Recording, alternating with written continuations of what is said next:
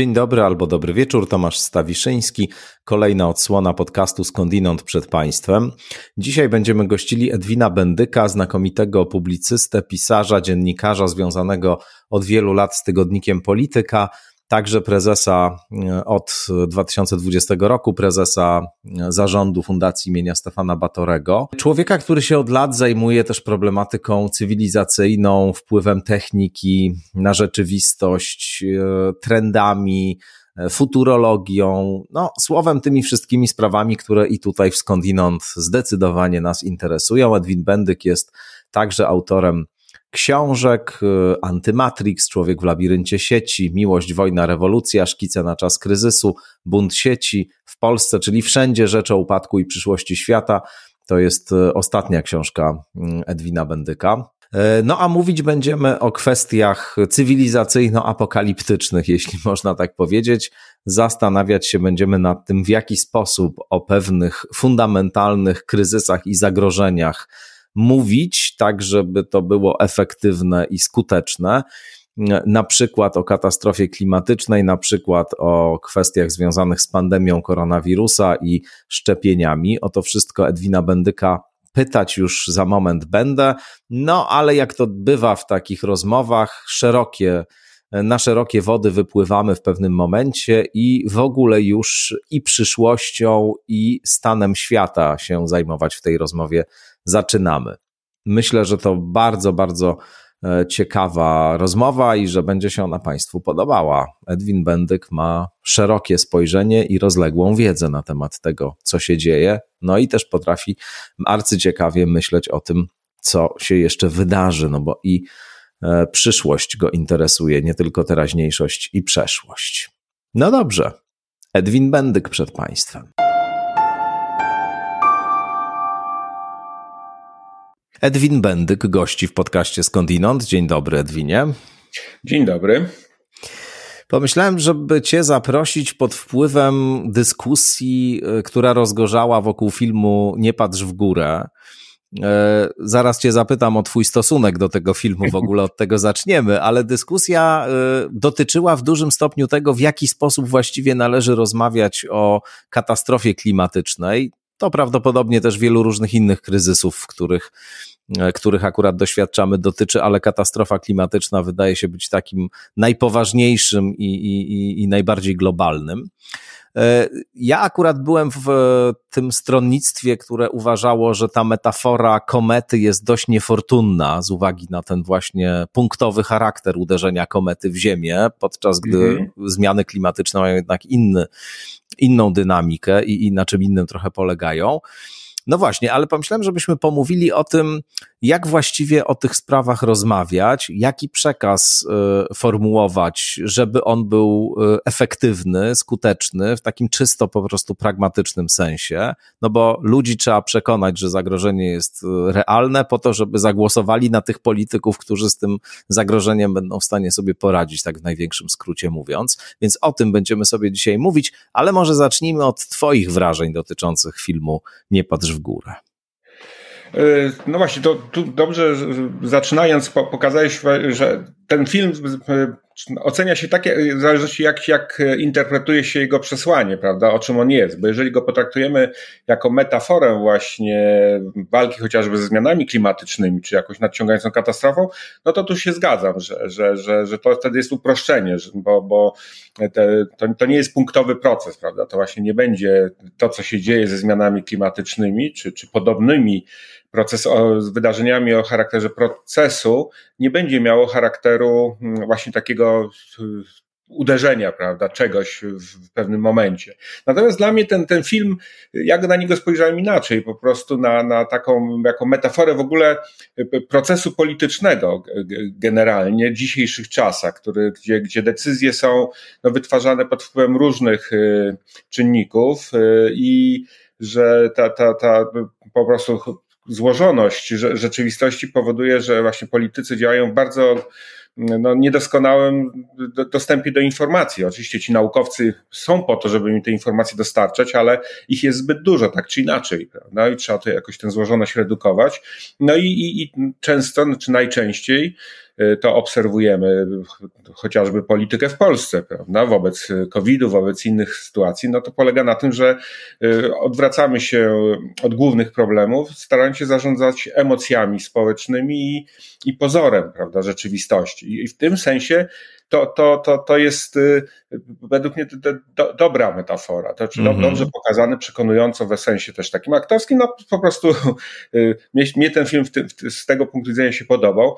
W nim też jeszcze jest taka zaszyta, bym powiedział, pewna głębsza rzecz to pamiętam kiedyś, kiedyś byłem na takiej konferencji, w której uczestniczyła Mary Midgley, filozofka, która, która właśnie mówiła, że tak naprawdę największym problemem ludzkości to jest y, y, to, to, że my jesteśmy psychologicznie i można by powiedzieć ewolucyjnie, genetycznie uwarunkowani czymś, co ona właśnie nazywała psychology of denial, czyli taką psychologią wyparcia, prawda, y, faktu. To znaczy nawet jak mamy informacje, to ich po prostu nie jesteśmy w stanie przyjąć do, do, w, w sensie takim właśnie, który by wy, na które, gdzie odpowiedzią byłaby właściwie adekwatne do tych informacji działanie, że to jest jakiś taki element po prostu psychologii indywidualnej i zbiorowej człowieka. I to też w jakimś sensie film o tym mówi. A rzeczywiście najmniej chyba udana byłaby ta metafora tego problemu, jaki mamy, czyli, czyli właśnie zagrożenia klimatycznego, czy szerzej ekologicznego, jakie, jakie nas dotyczy.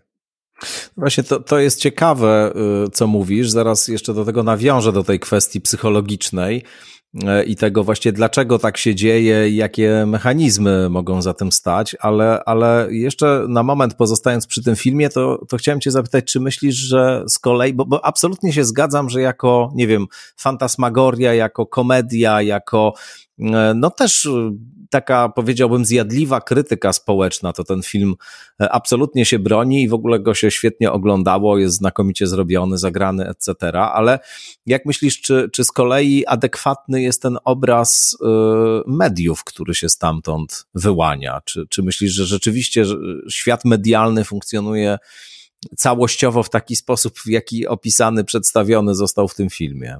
No, oczywiście nie, to, to, to, jest, to jest przerysowane, prawda? Ten, ten domniemany New York Times tam, prawda? Gdzie, gdzie no, muszą mieć swoich naukowców z uznanych uniwersytetów, prawda? I podobnie prezydent, jak gdzieś jakiś tam prowincjonalny po prostu nie jest. To, to, to, to, to chyba tak nie jest. Znaczy, ja nie mam takiego wrażenia. Oczywiście media są różne i część działa tak po prostu i to, to, to wiemy, ale, ale no, to, to spektrum medialne jest znacznie większe i jednak jak się patrzy na, no właśnie na to chociażby, co się czasie pandemii działo i też czy, czy to, to widać wyraźnie, że właśnie ten czas pandemii spowodował, że media te tradycyjne, właśnie prasa, radio, y, odzyskały wiarygodność. To znaczy, taki, a właśnie dzisiaj, czy, czy niedawno mm, oglądałem takie badania fra, francuskie, gdzie, gdzie patrzono, jak, jak się zmienia podejście Francuzów na przykład do mediów, no to ewidentnie widać y, odbudowę y, zaufania do, do właśnie mediów tradycyjnych, takich, które jednak radzą sobie ze złożonością, przetwarzają informacje i no, podają y, uczestnikom już w oparciu o no, też na, na jakiejś więzi ze, swoim, ze swoimi czytelnikami, no, informacje już taką wypreparowaną z chaosu, który nas dotyczy. No, zdecydowanie odrzucamy, czy, czy właśnie Francuzi, ale myślę, że w Polsce nie byłyby radykalnie inne te wyniki.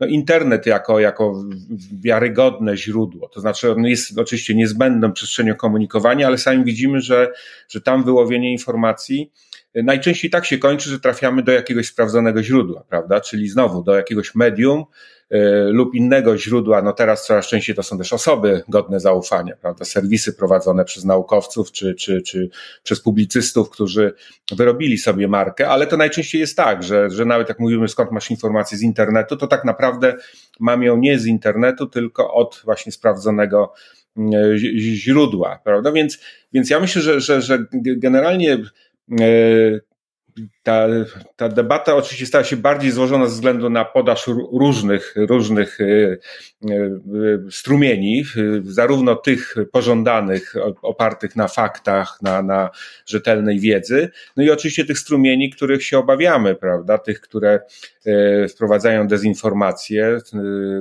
celowo lub, lub, lub w inny, z innych powodów, też z przekonań, czy z wiary w, w różnego typu teorie. Ale to zasadniczo nie, nie, nie, nie jest nic nowego.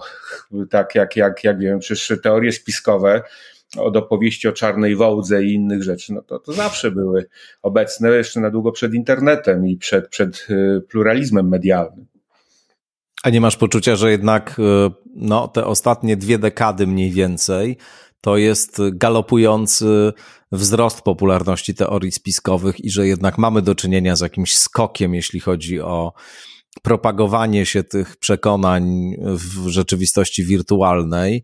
Jak popatrzymy w sumie na to, co się dzieje y, w Europie, tylko no, w Stanach również, jeszcze weźmy te Stany tutaj pod uwagę, y, od momentu y, pandemii, wybuchu pandemii, no to, to może dlatego tak też naocznie bardzo wyraźnie widać, jak głęboko sięgają macki myślenia spiskowego, że, że my tutaj mamy sytuację, w której e, przekonania przekładają się na bardzo konkretne e, społeczne fakty, to znaczy w liczbie osób niezaszczepionych, w liczbie osób chorujących ciężko, umierających, E, odzwierciedlają się pewne przekonania, które prowadzą do jakichś zachowań, które z kolei prowadzą do, do pewnych konsekwencji. Nie masz wrażenia, że jednak mimo wszystko mamy tego więcej w dzisiejszych czasach? To wrażenie mam takie. Oczywiście nie, nie, nie dysponuję jakimiś dokładnymi badaniami ilościowymi, ale, ale wrażenie mam i, i, i, też mam przekonanie, że to nie jest wina tylko przekształcenia przestrzeni medialnej, że to nie jest, jak to często lubi się przypisać, winam e, internetu, czy, czy, mhm. czy Facebooka, czy, czy, czy Twittera. To, to są oczywiście media bardzo ważne i uczestniczące w tym procesie chociażby fragmentacji debaty. To, to jest fakt, y, dobrze zbadany i opisany. To, co mówimy, że e, ta debata między innymi za sprawą algorytmów, e, jakie są używane przez platformy społecznościowe, no, zamyka się coraz bardziej w bańkach, prawda, gdzie przekonani przekonują przekonanych e, i, i w związku z czym trudno rozbić się, jeżeli już się trafi do bańki tej, tej która no właśnie skupiającej ludzi wierzących w teorię spiskową, no to trudno z niej wyjść, no bo, bo po prostu ona jest takim samo potwierdzającym się, się właśnie wspólnotą, prawda? I to, to, to, to jest fakt, natomiast y, jak się popatrzy, no to, to jest pytanie, skąd się to wzięło właśnie, dlaczego tak chętnie korzystamy z tych mediów społecznościowych, w ogóle z internetu, jakie inne procesy do tego doprowadziły, no i, i tu myślę, że, że właśnie jak się popatrzy na tą jednak taką wielowymiarową y, przemianę społeczną, prawda, rozpad starych struktur, właśnie to, że na przykład instytucje demokratyczne ich, ich e, zaufanie do nich e, systematycznie spada, ale nie od początku internetu, tylko od końca lat 60., praktycznie od lat 70., mm.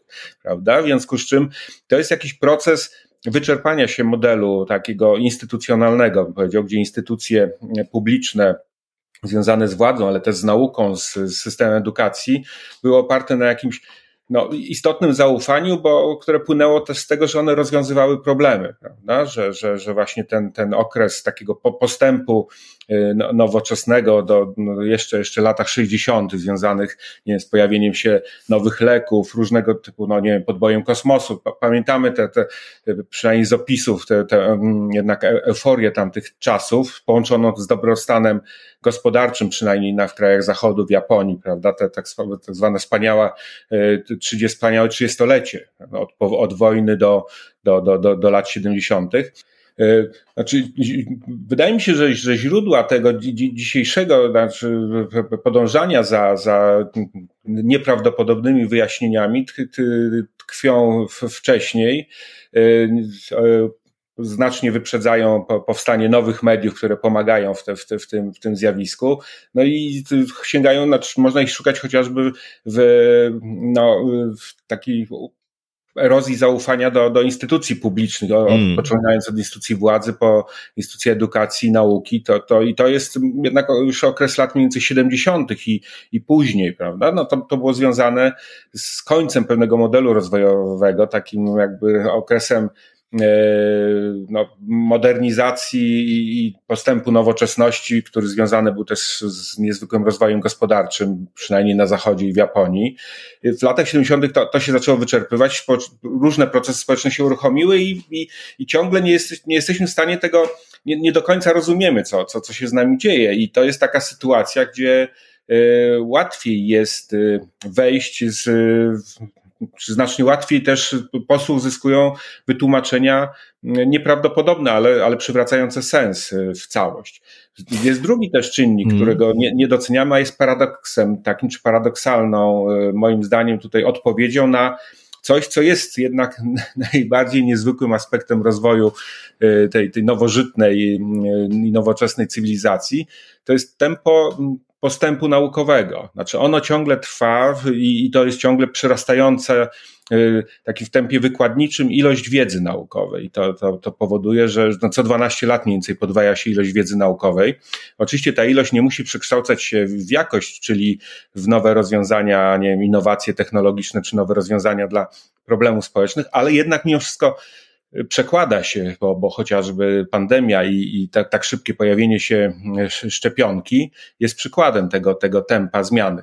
No i, i, i znowu to jest jak, jak e, e, pisarze science fiction mówią, prawda, że coś, co, co technika czy, czy, czy nauka niezrozumiała, nie, nie różni się od magii, prawda? I to jest jakby wytłumaczenie tego też, y, czy odpowiedź społeczna u części ludzi polega na tym, że znaczy po prostu na nieprzyjęciu y, do świadomości, że tak szybko zmienia się rozumienie świata, prawda, i, i szukamy innych, innych wyjaśnień. Więc, więc to jesteśmy rzeczywiście w jakimś takim mo momencie, w którym no, tak jak mówiliśmy, tym dodatkowym aspektem zresztą jest, jest to, że też te wszystkie nurty widać, one się mieszają, o ile w, w wcześniej, przed internetem, powiedzmy media publiczne y, pilnowały jakiegoś porządku, prawda, i dopuszczały tylko obieg y, prawomocny, tak, odwołujący się do nauki. No BBC na przykład jest takim wzorem do dzisiaj, prawda, gdzie, gdzie nie ma prawa pojawić się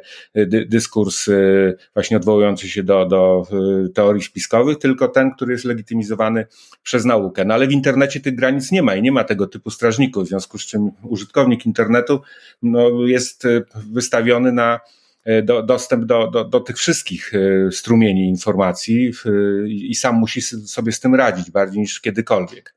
Więc, więc na pewno to jest jakaś no, nowa jakość, ale, ale myślę, że nie, nie, no właśnie nie jesteśmy bezradni wobec, wobec niej. Większym problemem niż to, że te, te, te rozwijają się te dyskursy mm, odwołujące się do teorii spiskowych jest to, że jednak właśnie sfera polityki, która powinna tym zarządzać, no jest y, na, na tyle zdekomponowana w tej chwili, na tyle ma problem właśnie z, y, no, z legitymacją społeczną, z uznaniem, że po prostu nie jest w stanie zrobić to, co się robiło jeszcze w latach 60. czy 70., czyli autorytet państwa przecinał tego typu wątpliwości i stawał po stronie nauki, prawda? I podejmowano decyzje nie na podstawie sondaży, w obawie przed elektoratem, który tak jak w Polsce, prawda? Bo elektorat nie chce szczepionek, więc nie podejmiemy decyzji o szczepieniu, tylko podejmowano w imię racji naukowej, prawda? Decyzję, za którą stał autorytet, a czasem i przemoc państwa.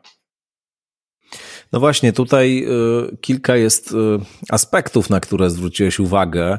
Myślę, że, że właśnie ważne jest, żeby tak jak mówisz, myśleć o y, głębokich przyczynach popularności tego rodzaju przekonań, co oczywiście na, na pewne konsekwencje praktyczne się przekłada, żeby tego nie redukować włącznie do tego, że po prostu ludzie są irracjonalni, e, źle myślą i w związku z tym trzeba im powiedzieć, jak jest naprawdę i oni to przyjmą, bo oczywiście to nie jest takie proste. Ja myślę najkrócej rzecz ujmując, że tu rzeczywiście mm, jest taki efekt e, w myśleniu spiskowym, który polega na tym, że dostaje się w pakiecie poczucie siły czy mocy e, w świecie, w którym wielu z nas się czuje bezsilnych i pozbawionych sprawstwa, a dodatkowo dostaje się poczucie godności w świecie, w którym panuje wciąż taka bardzo indywidualistyczna narracja, która mówi, że Twoje miejsce w społecznej hierarchii zależy od Twoich predyspozycji indywidualnych i samozaparcia. Mnóstwo ludzi doświadcza jednak y, trudności rozmaitych, y, nie wiem, spadku zarobków, bezrobocia, całego szeregu różnych innych parametrów, które powodują, że, że się czują na różny sposób upokorzeni. E, I teoria spiskowa daje im poczucie czy pozwala im odzyskać pewne bazowe poczucie godności. No i też oczywiście jeszcze daje takie wrażenie funkcjonowania w pewnej wspólnocie tych, którzy wiedzą, niesie ze sobą innymi słowy bardzo wiele pozytywnych, pozytywnych e, efektów emocjonalnych i, i dlatego też jest taka uwodzicielska, już abstrahując od tej struktury pojęciowej, która się sama potwierdza i która właściwie jest niewywrotna całkowicie, która cechuje właśnie myślenie spiskowe. Ale chciałem e, zwrócić uwagę na jeden aspekt, który wydaje mi się też bardzo ważny i Cię poprosić o, o e, komentarz dotyczący tego właśnie, bo my właściwie tutaj o dwóch takich głównych sprawach rozmawiamy, czyli i o katastrofie klimatycznej, i o pandemii, e, w szczególności o, o, szczepieniach i w ogóle o stosunku do tego realnego zagrożenia, które bywa traktowane jako zagrożenie nierealne, właśnie spisek czy, czy, czy pretekst do tego, żeby wprowadzić jakieś rozwiązania polityczne niecne. Otóż e, e, to badał dobrze Dan Kean, taki, taki prawnik z Uniwersytetu Yale, też zajmujący się psychologią społeczną. On pokazywał w swoich badaniach, że nasze przekonania, także przekonania dotyczące klimatu, bardzo ścisły sposób zależą od naszej tożsamości politycznej. To znaczy, że nie biorą się innymi słowy, i to dotyczy zarówno tych, którzy uznają konsensus naukowy, jak tych, którzy się mu sprzeciwiają. One się nie biorą jakby z naszej analizy sytuacji, e, przynajmniej większościowo się nie biorą z tego, tylko biorą się z tego, że w naszym środowisku, w naszej grupie, e, w naszej klasie e, tak się myśli. Ludzie w ten sposób jakby te swoje afiliacje intelektualne dotyczące niektórych przekonań formułują, bardziej bazując na tym, co inni z ich grupy społecznej na ten temat sądzą, bardziej więc dając pewien rodzaj takiego wykładu swojej tożsamościowej przynależności, aniżeli, aniżeli dając jakiś wyraz, nie wiem, swoim głębokim przekonaniem o świecie. I mam wrażenie, że coś podobnego się dzieje w przypadku szczepień i pandemii, że to jest bardzo ściśle ze sobą zestrojone, e, jeśli chodzi właśnie o, o kwestie takie tożsamościowo-polityczne. E, I, i, i, te, I te podziały, e, powiedziałbym, na tym się budują, choć one dotyczą właśnie kwestii, które są przecież kwestiami zupełnie nietożsamościowymi, e, kwestiami naukowymi, obiektywnymi, takimi, które da się wykazać, da się, da się ustalić. Dan Kean i, i skądinąd Pinker, który przytacza te swoje, te, te, te, jego, te jego badania w swojej przedostatniej książce, w te, tej książce o oświeceniu, no właśnie ubolewają nad tym, że ten proces mm, na Zachodzie nastąpił, że, że, że utożsamościowiły się nasze przekonania dotyczące rzeczywistości. Hmm. To jest, to jest, y, ja myślę, znaczy, y, w dużej mierze zgadzam się z tą interpretacją, ale, ale bym ją usubtelnił. Mm, to znaczy, w, mm. tym sensie, że absolutnie z, z jest i to jest potwierdzone naukowo, że rzeczywiście obraz świata, czy, czy absorpcję fa faktów, informacji, y, no, bierzemy poprzez y, y, więzi społeczne, w których funkcjonujemy, poprzez ten mechanizm właśnie mm, przynależności do jakiejś grupy, prawda, która, która buduje nam, z którą budujemy jakieś rozpoznanie świata. I pytanie teraz jest oczywiście w, jak, w oparciu o jakie kryteria tworzymy tę grupę, prawda? I, i to, co tutaj pomówiłeś w przypadku połączenia z polityką, no ma w, wtedy miejsce, kiedy rzeczywiście polityka zaczyna być emocja czy afekt polityczny zaczyna mieć coraz większe znaczenie dla tworzenia nawet takiej podstawowej wspólnoty, prawda? Kiedy i to, to w czasach e, polaryzacji politycznej zaczyna mieć znaczenie. Widzimy w Polsce, prawda, jak stare więzi, jak rodziny na przykład się zaczynają dzielić, bo, bo, bo się nie zgadzają, prawda? Jedni głosowali na PiS, inni na Platformę i nie, nie sposób już nawet przy stole wigilijnym usiąść, prawda? I to jest taki moment, gdzie rzeczywiście to, to, to połączenie może nastąpić. Teraz to jest, bo to jest ciekawe pytanie, w którym momencie właśnie my jesteśmy w Polsce, bo na przykład w Stanach już wiemy, że na pewno ta, ta, tam poszło na tyle daleko już podział, że rzeczywiście postrzeganie takich rzeczy jak y, zmiana klimatyczna chociażby jest ściśle skorelowane z tożsamością polityczną i z efektem Dokładnie, te, te badania właśnie, na które się powołałem, to są badania ze Stanów Zjednoczonych. I to jest, to jest tak, ale Stany są pod tym względem właśnie mimo wszystko ciągle jeszcze dosyć wyjątkowe. To jest kraj o największej polaryzacji politycznej w tej chwili, z, różnych z tych, które się bada, yy, ale, ale to rzeczywiście tam ten proces zaszedł daleko. W Polsce ciągle jeszcze nie. To jeszcze, jeszcze, to jest ciekawe. Były badania yy, yy, robione, kil, kilka takich właśnie widziałem już w ciągu tak, ostatnich tak. lat, które pokazywały, że u nas ciągle jeszcze ten po, postrzeganie zmian klimatycznych było powiedzmy jednakowo że tak powiem, jakbym powiedział, dobre lub złe przez, przez y, wszystkie elektoraty. One niespecjalnie się różniły. To nie, owszem, możemy zobaczyć, że politycy się różnią, prawda, że politycy zbliżeni na przykład do obecnego obozu władzy częściej wypowiadają androny antyklimatyczne niż y, innych ugrupowań, ale te elektoraty, jak się ich bada, nawet takie ostatnie badanie y, z, na danych z grudnia ubiegłego roku, takiego think tanku More in Common, no pokazuje, że, że te różnice nie są jakieś zasadnicze.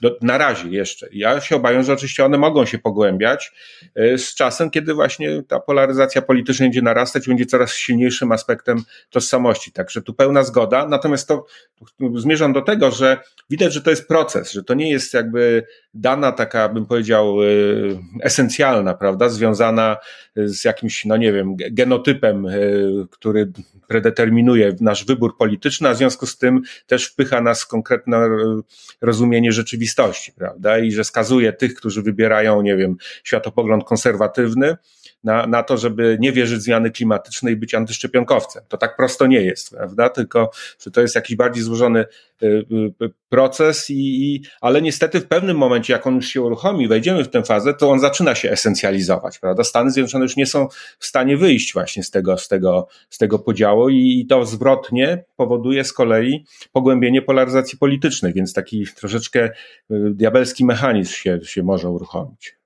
Ale jeśli chodzi o szczepienia i stosunek do szczepień w Polsce na przykład, to to już jednak bardziej się wyraziście politycznie rozkłada, prawda? Są te badania, które pokazują, że jeżeli chodzi na przykład o zwolenników Konfederacji, która jest taką główną partią propagującą teorie spiskowe dotyczące pandemii i, i rozmaite pseudonaukowe na ten temat koncepcje, to tam wyraźnie widać, że ten elektorat zdecydowanie jest e, antyszczepionkowo nastawiony. Oczywiście w Polsce jednak mamy też taką dużą grupę ludzi, którzy w zasadzie nie szczepią się nie dlatego, że są aktywnymi antyszczepionkowcami i że na przykład absorbują te wszystkie e, przekonania, te wszystkie teorie i traktują je poważnie, no tylko z jakiejś takiej właśnie e, specyficznie pojmowanej ostrożności, dlatego że E, coś tam usłyszeli, albo że no tutaj w jakiejś społeczności lokalnej nikt tam się nie szczepił, no to oni się też nie szczepią. Jest taka duża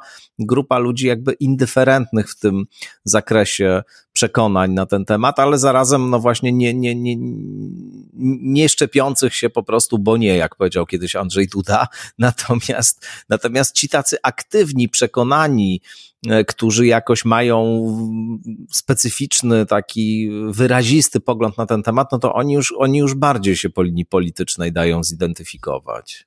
Ale to prawda, Konfederacja jest ciekawym przykładem, bo tu jeszcze jest inny aspekt. Z jednej strony jest ten element y, teorii spiskowej, prawda, czyli odrzucenia wiedzy naukowej i to rzeczywiście badania pokazują, że są tutaj jest najmniejszy, znaczy naukowcy cieszą się najmniejszym autorytetem w tej grupie. To właśnie również to badanie More in Common chociażby pokazuje. Ale tu też trzeba pamiętać o bardzo silnym y, komponencie libertariańskim w tej partii, prawda? Takim wolności rozumianej w taki sposób radykalny, E, indywidualistyczny, prawda, który mówi, że no nic, nic wam do, do, do, to jest moja sprawa, prawda, czy się zaszczepię, czy nie.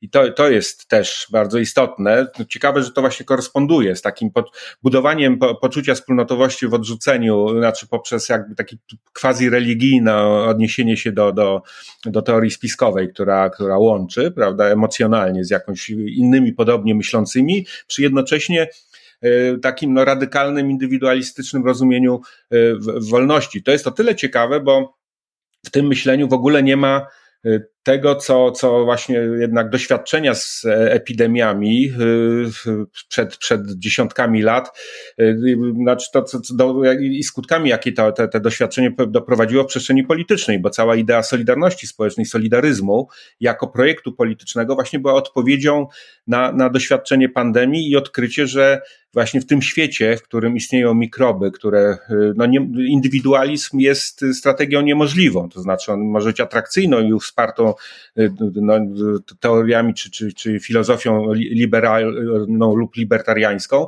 ale w praktyce to jest niemożliwe, bo, bo, bo jesteśmy istotami powiązanymi z sobą, między innymi poprzez drobnoustroje, które, które y, właśnie łączą nas, czy tego chcemy, czy nie, i po prostu to narzuca obowiązek y, myślenia o, o, o wspólnocie jako, jako tej no, ramy. Cała, cała pandemia jest empiryczną demonstracją tego właśnie. No, dokładnie tak, a my to, to jest najciekawsze, że to odrzucamy to doświadczenie, prawda, że w całej argumentacji, na przykład w Polsce, ten aspekt jest najmniej podnoszony, jakiś te właśnie ten solidarności, tylko jest, jeżeli się argumentuje, to rób to dla swojego dobra, prawda? Tu próbujemy przekonać, zaszczep się, żebyś nie umarł, ty, ty konkretny, prawda, e, niezaszczepiony, prawda? Natomiast hmm. nie podnosi się tej kategorii, ona w ogóle nie rezonuje, prawda, w świadomości takiej zbiorowej, e, do, do, dobra wspólnego, jakim jest, jest e, wspólnota.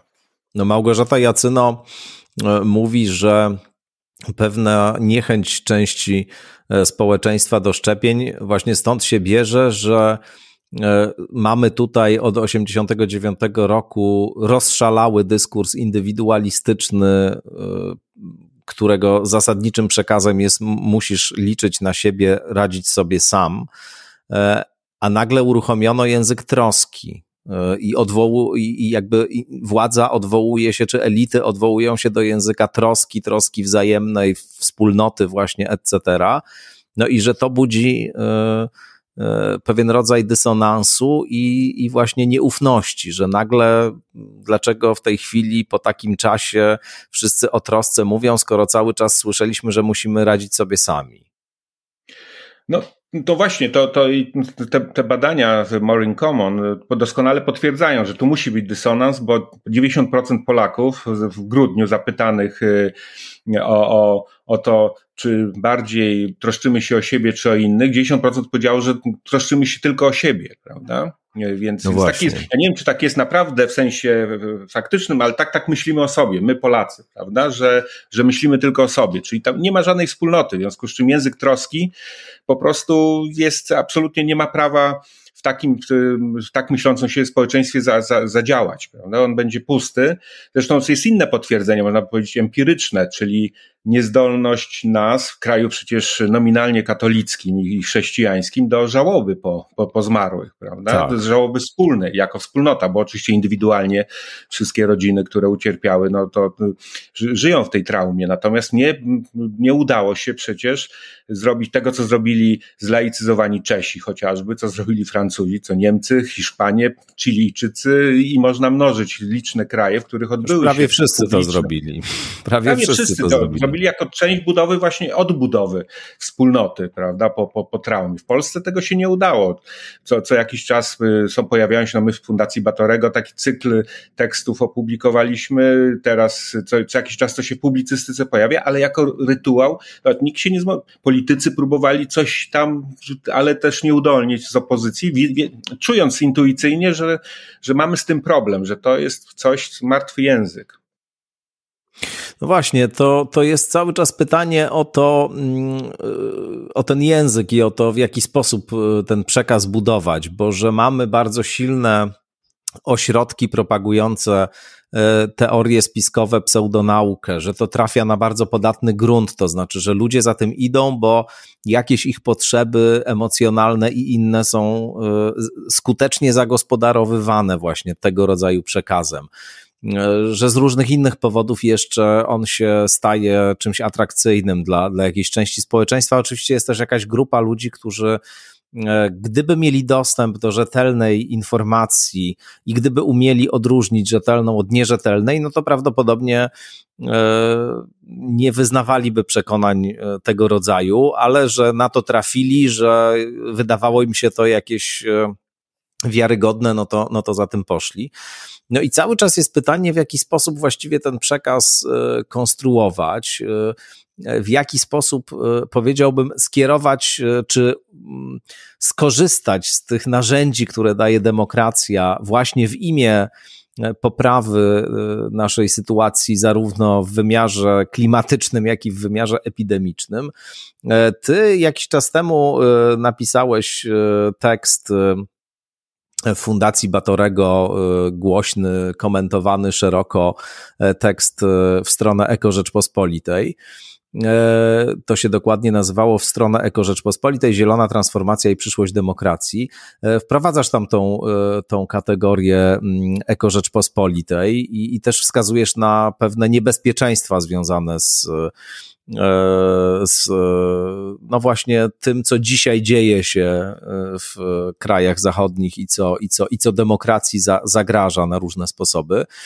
E, powiedz trochę o tej idei Eko Rzeczpospolitej. Powiadasz, jest to pluralistyczna przestrzeń politycznego sporu o przyszłość, która daje szansę artykulacji interesów i wartości środowiskom odwołującym się do różnych wrażliwości i tradycji, zielonym konserwatystom, ekosocjalistom, ekomodernistom oraz wszystkim, którzy unikają etykiet, ale uznają, że problem mamy wszyscy i nie możemy sobie pozwolić na postawę idiotes czy luksus wycofania w prywatność.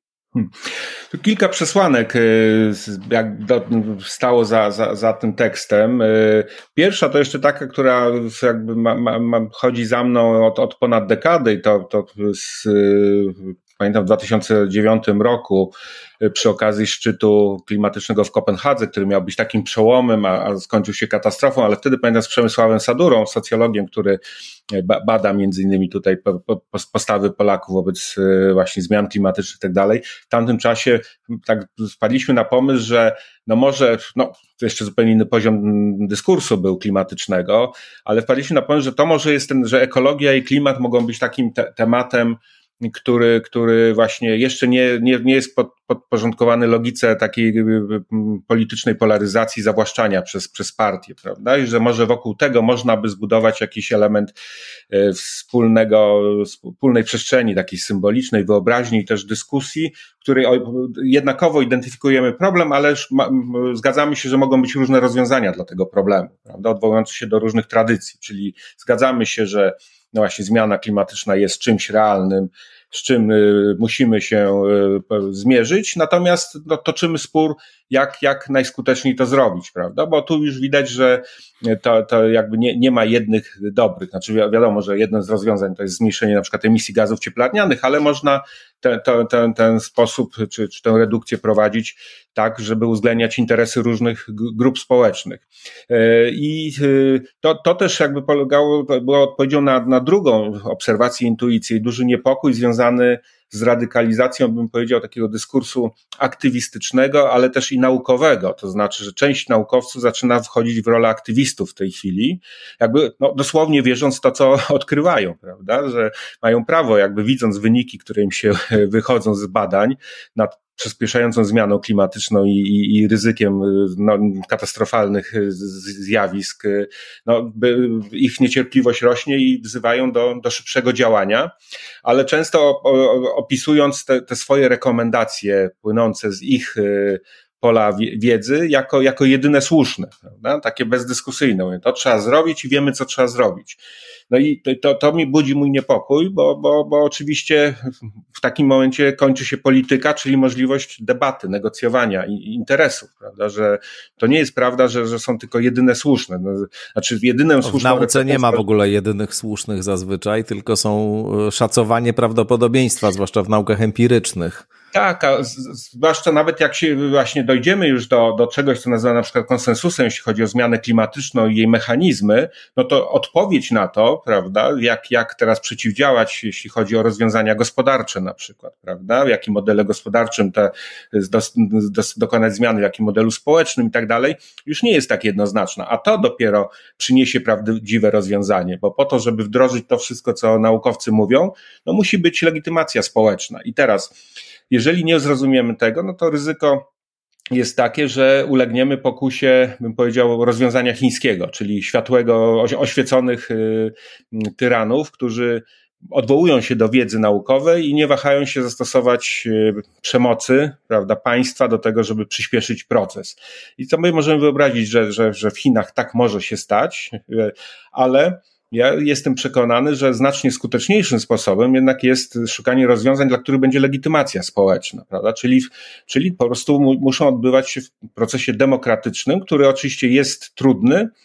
Yy, wydaje się, że jest, jest bardziej czasochłonny niż, niż, niż proste autorytarne rozwiązania, ale jednocześnie efektywnie zazwyczaj jest skuteczniejszy, kiedy już tę legitymację społeczną e, się zbuduje, tylko że teraz wobec tego nowego zagrożenia, jakim jest zmiana klimatyczna, która wprowadza e, no, nowy horyzont rozwiązań, chociażby takich, które no właśnie, poddają wątpliwość e, te, te, główne argumenty filozofii liberalnej, prawda, które stały u podstaw demokracji liberalnej, która polegała na tym, że no właśnie na rozumieniu wolności w ten sposób, że możemy uczestniczyć w polityce, ale nie musimy, prawda? że możemy się wyłączyć, że ta demokracja liberalna nie jest tak jak w Grecji, yy, jak było w starożytnej Grecji, że wszyscy musieli w niej uczestniczyć, prawda? Była obowiązkowa i była formą no, w zasadzie takiej demokratycznej tyranii zmuszającej do, do zaangażowania.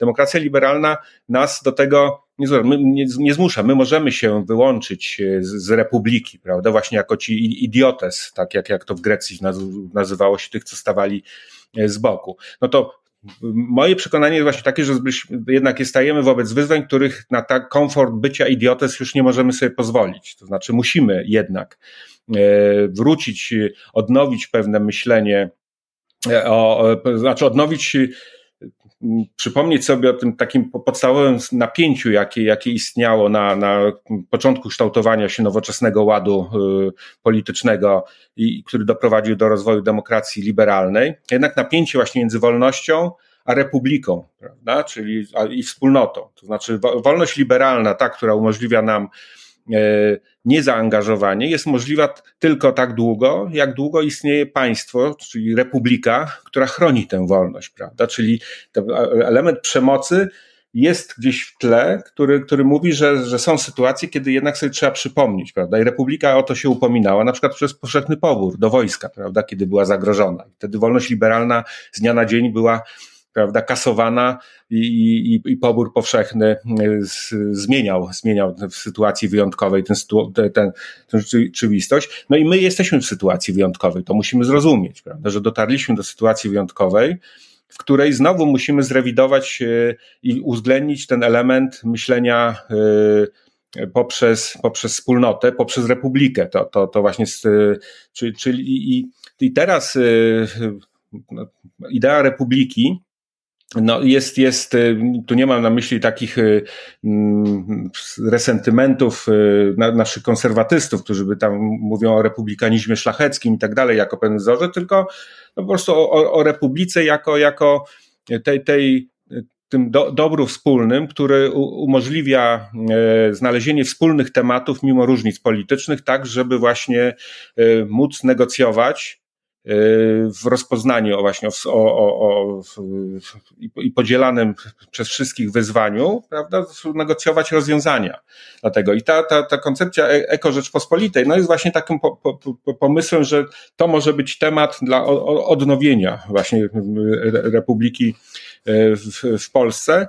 I już kończąc, ten, ten pomysł oczywiście nie, nie, nie, nie jest moim autorskim, bo, bo tutaj zapożyczyłem tę ideę od, od takiego francuskiego filozofa Serge Odier, który właśnie we Francji rozwija taką koncepcję ekorepublikanizmu, ale też nie jedyny jest. Tych, tych, tych e, również w przestrzeni anglosaskiej pojawiły się takie, takie pomysły, prawda? Zielonego państwa na przykład. To też, też jak inny wariant. Ale takiego próby spojrzenia, że kategorie klasyczne, filozofia liberalna dotarła do, do kresu wobec y, czynników takich, które jakby mm, zaczynają po prostu unieważniać pewną możliwość realizowania wolności ze względu na swój obiektywny i powszechny charakter, czyli właśnie zmiana klimatyczna i warunki y, wynikające z tej zmiany, które powodują, że możemy sobie poradzić z nimi tylko, tylko wspólnym działaniem. Takim państwem, które bym powiedział, realizuje najbardziej tę, tę koncepcję, chociaż jej tak nie nazywa, no to jest, to jest y, Holandia. Holandia jest takim krajem, który jest bardzo liberalny, bardzo szanuje wolność indywidualną, ale ludzie jednocześnie rozumieją, y, że jednostkowo są nikim, prawda, wobec zagrożeń, jakie przynosi morze i muszą działać y, wspólnie i osiągać i dogadywać się, żeby wspólnie podołać zagrożeniu, jakie płynie z oceanu czy tam z, z morza. To się to nazywa ten polder model, prawda, po, po, prowadzenia sporu politycznego, że, że gdzieś jest coś, co nas łączy, czyli wspólne zagrożenie, które jest uwewnętrznione wręcz cieleśnie, przy jednocześnie olbrzymim szacunku dla, dla indywidualnych wyborów w sferze na przykład religii. No właśnie, to jest, y, to jest w ogóle bardzo mm, takie racjonalne, pragmatyczne myślenie.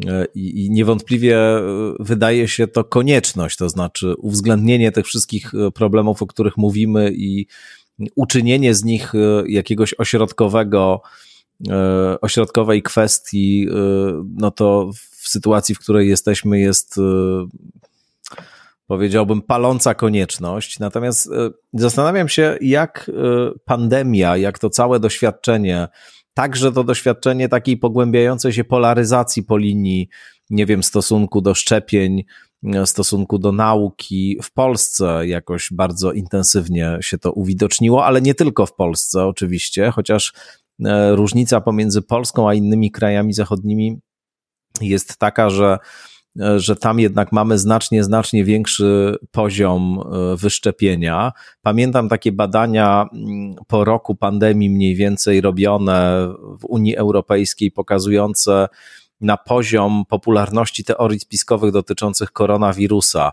w poszczególnych społeczeństwach, i tam Wielka Brytania i Francja w ogóle były na E, prowadzeniu, jeśli chodzi o mm, teorie spiskowe dotyczące samej pandemii czy, czy, czy pochodzenia wirusa i tak dalej.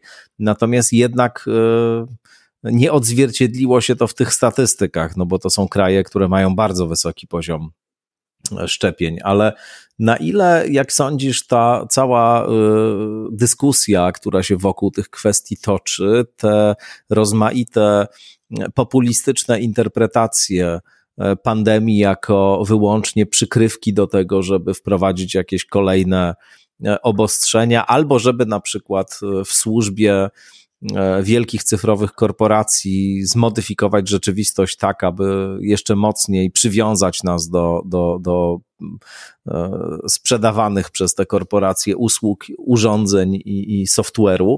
No więc jak sądzisz, czy to, czy to będzie rzeczywiście mm, takie doświadczenie, które e, jeszcze głębiej zachwieje naszym e, stosunkiem do kwestii klimatycznych, które zeszły nieco na plan dalszy w pandemii i które w ogóle także z uwagi na przykład na kryzys e, energetyczny w Europie współcześnie, także na poziomie instytucjonalnym przestały być E, traktowane priorytetowo, no bo, no bo jakoś nikt o tym zielonym ładzie teraz nie, nie mówi, tylko, tylko trzeba po prostu kombinować, jak tutaj się ogrzać na zimę i, i wtedy te wszystkie kwestie e, ekologiczne jakoś schodzą na plan dalszy. Więc słowem, e, czy sądzisz, że, że ten okres, w którym wciąż jesteśmy i te wszystkie procesy, dyskusje, które tutaj się rozgrywają, e, no właśnie oddalą nas od e, tej wizji czy tej idei, o której pisałeś i o której teraz mówiłeś, czy może raczej e, nas przybliżą, bo na przykład część osób skonfrontują z takim właśnie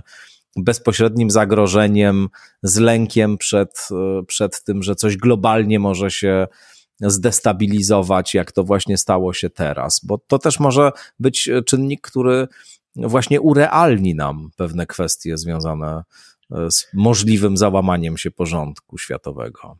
No, niestety obawiam się, że, że właśnie w Polsce mm, tra, tra, tracimy też tę szansę, że, że to podobnie jak, tak jak mówiłem, zaczęliśmy z Przemysławem Sadurem myśleć troszkę, jeszcze nie nazywając wtedy Eko Rzeczpospolitą, ale raczej szukając wspólnego tematu dla, dla odbudowy jakby z przestrzeni do prowadzenia sporu politycznego.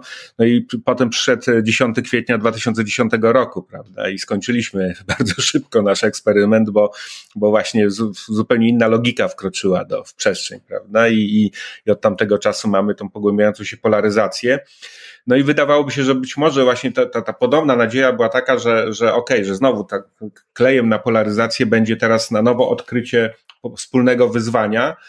No i, i, i przyszła pandemia, i przyszła pandemia, i tu, o ile tak jak wspomniałeś, kraje takie jak Francja, czy chociażby, gdzie, gdzie rzeczywiście ten poziom osób wierzących w teorię spiskową był wysoki, ale jednocześnie to była próba redefinicji autorytetu państwa, prawda? I, i, jednak państwo tam pokazało swoją skuteczność, nie tylko w sensie egzekwowania egzekwowania samych, samych, e, prawda, przepisów, które narzuca, ale rekonstrukcji sfery usług społecznych chociażby i tak dalej, które są potrzebne właśnie, bo one, źródło legitymacji państwa nie bierze się z przemocy, którą jest w stanie zastosować, tylko czy ta przemoc jest tylko ostatnim elementem sprawczości państwa, prawda, który wcześniej wyraża się w tym, że jest w stanie zatroszczyć się o osoby chore. Prawda? We Francji, nie wiem jakie są teraz statystyki, ale po pierwszej fali, po, po, pod koniec 2020 roku, jak mierzono efekt y, statystyczny tych y, nadmiarowych y, zgonów, w Polsce były one ponadnormatywne, we Francji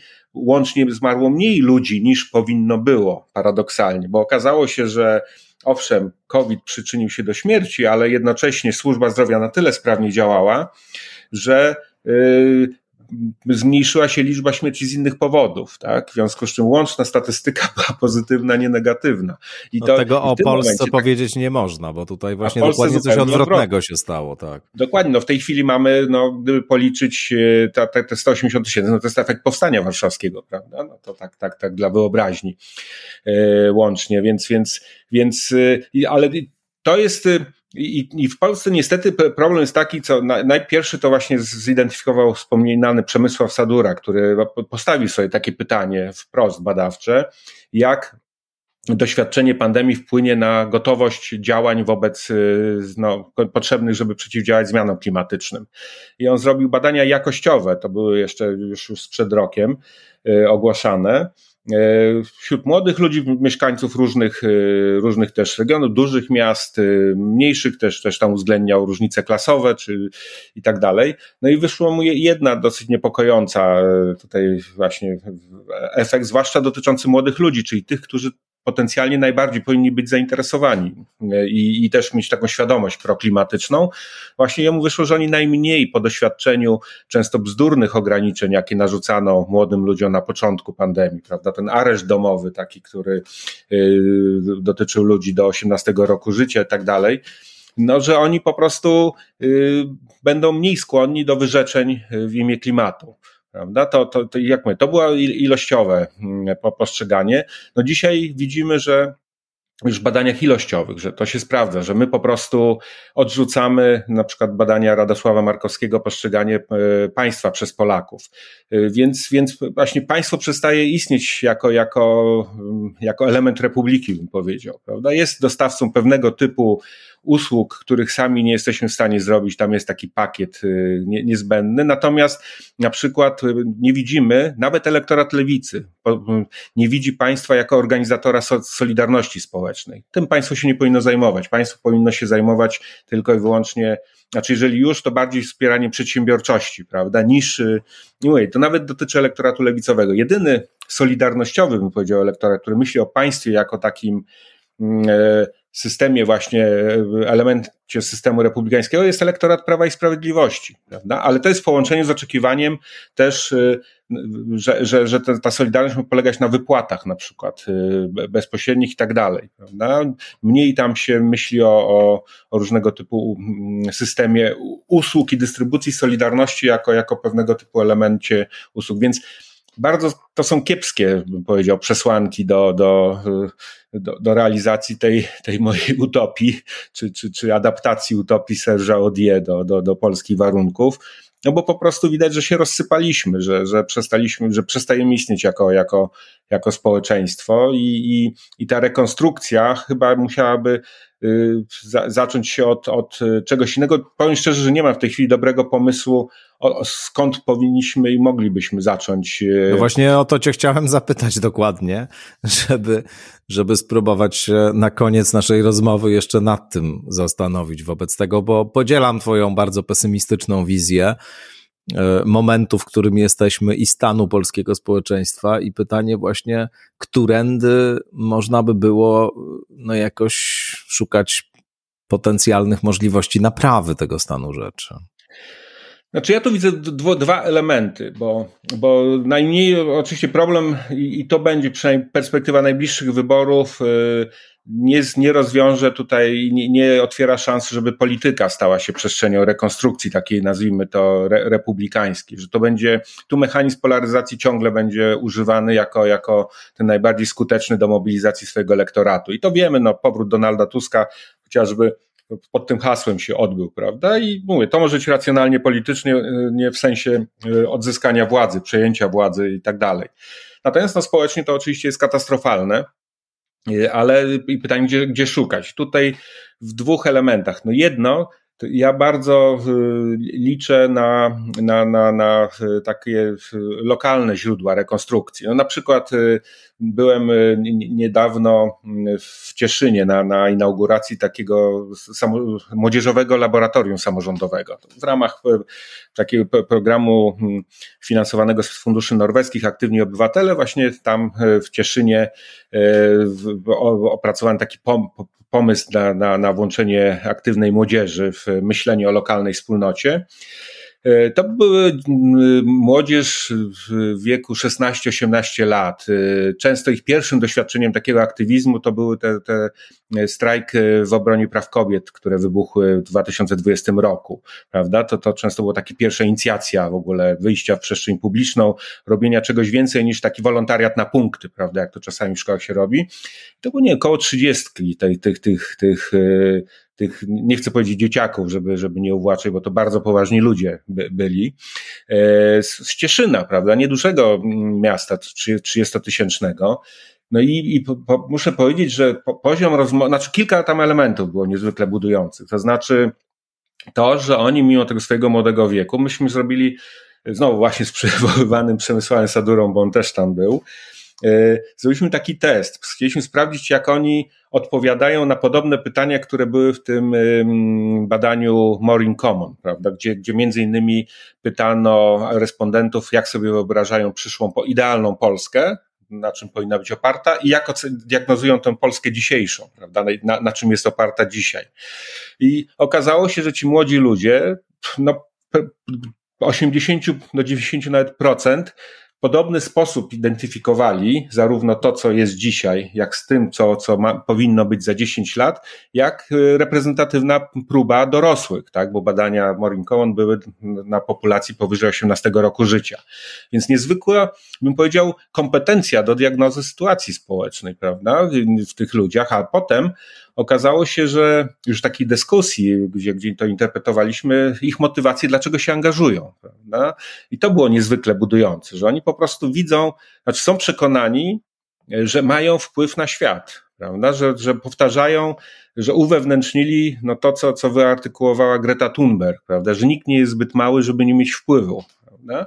to, to, to, i to było niezwykle budujące. To jest, y, y, że, że, że są tacy ludzie. To oczywiście ja nie mówię, że całe młode pokolenie jest takie, ale to, że są. To jeszcze musi być, y, musi być, wiesz, ten, znaczy muszą być duże zasoby energii, żeby po zderzeniu jednak z rzeczywistością nie utracić tego przekonania. Tak, ale te, no właśnie, i teraz ważne jest, czy wprowadzimy tę energię, którą oni mają, tę, tę, tę motywację w obieg, prawda? I to, tak. to, i to jest dalsza jakby część tej historii Ścieszyna, bo tam cały efekt był taki, że właśnie, że tam trafili na instytucje, które ich chcą jakby wprowadzić. Świetlica Krytyki Politycznej, prawda, która jest koordynatorem tego programu i współpracuje z kolei y, z lokalnym samorządem, prawda, który jest już tym e, elementem władzy lokalnej i jednocześnie takiej samoorganizacji lokalnej. Nie? I że takich miejsc to, to, to nie jest tylko Cieszyn. To wiem z doświadczenia, bo, bo w Fundacji Batorego mamy program Masz Głos, który który e, jakby wspiera aktywność lokalną w setkach miejsc w Polsce i takich miejsc jest y,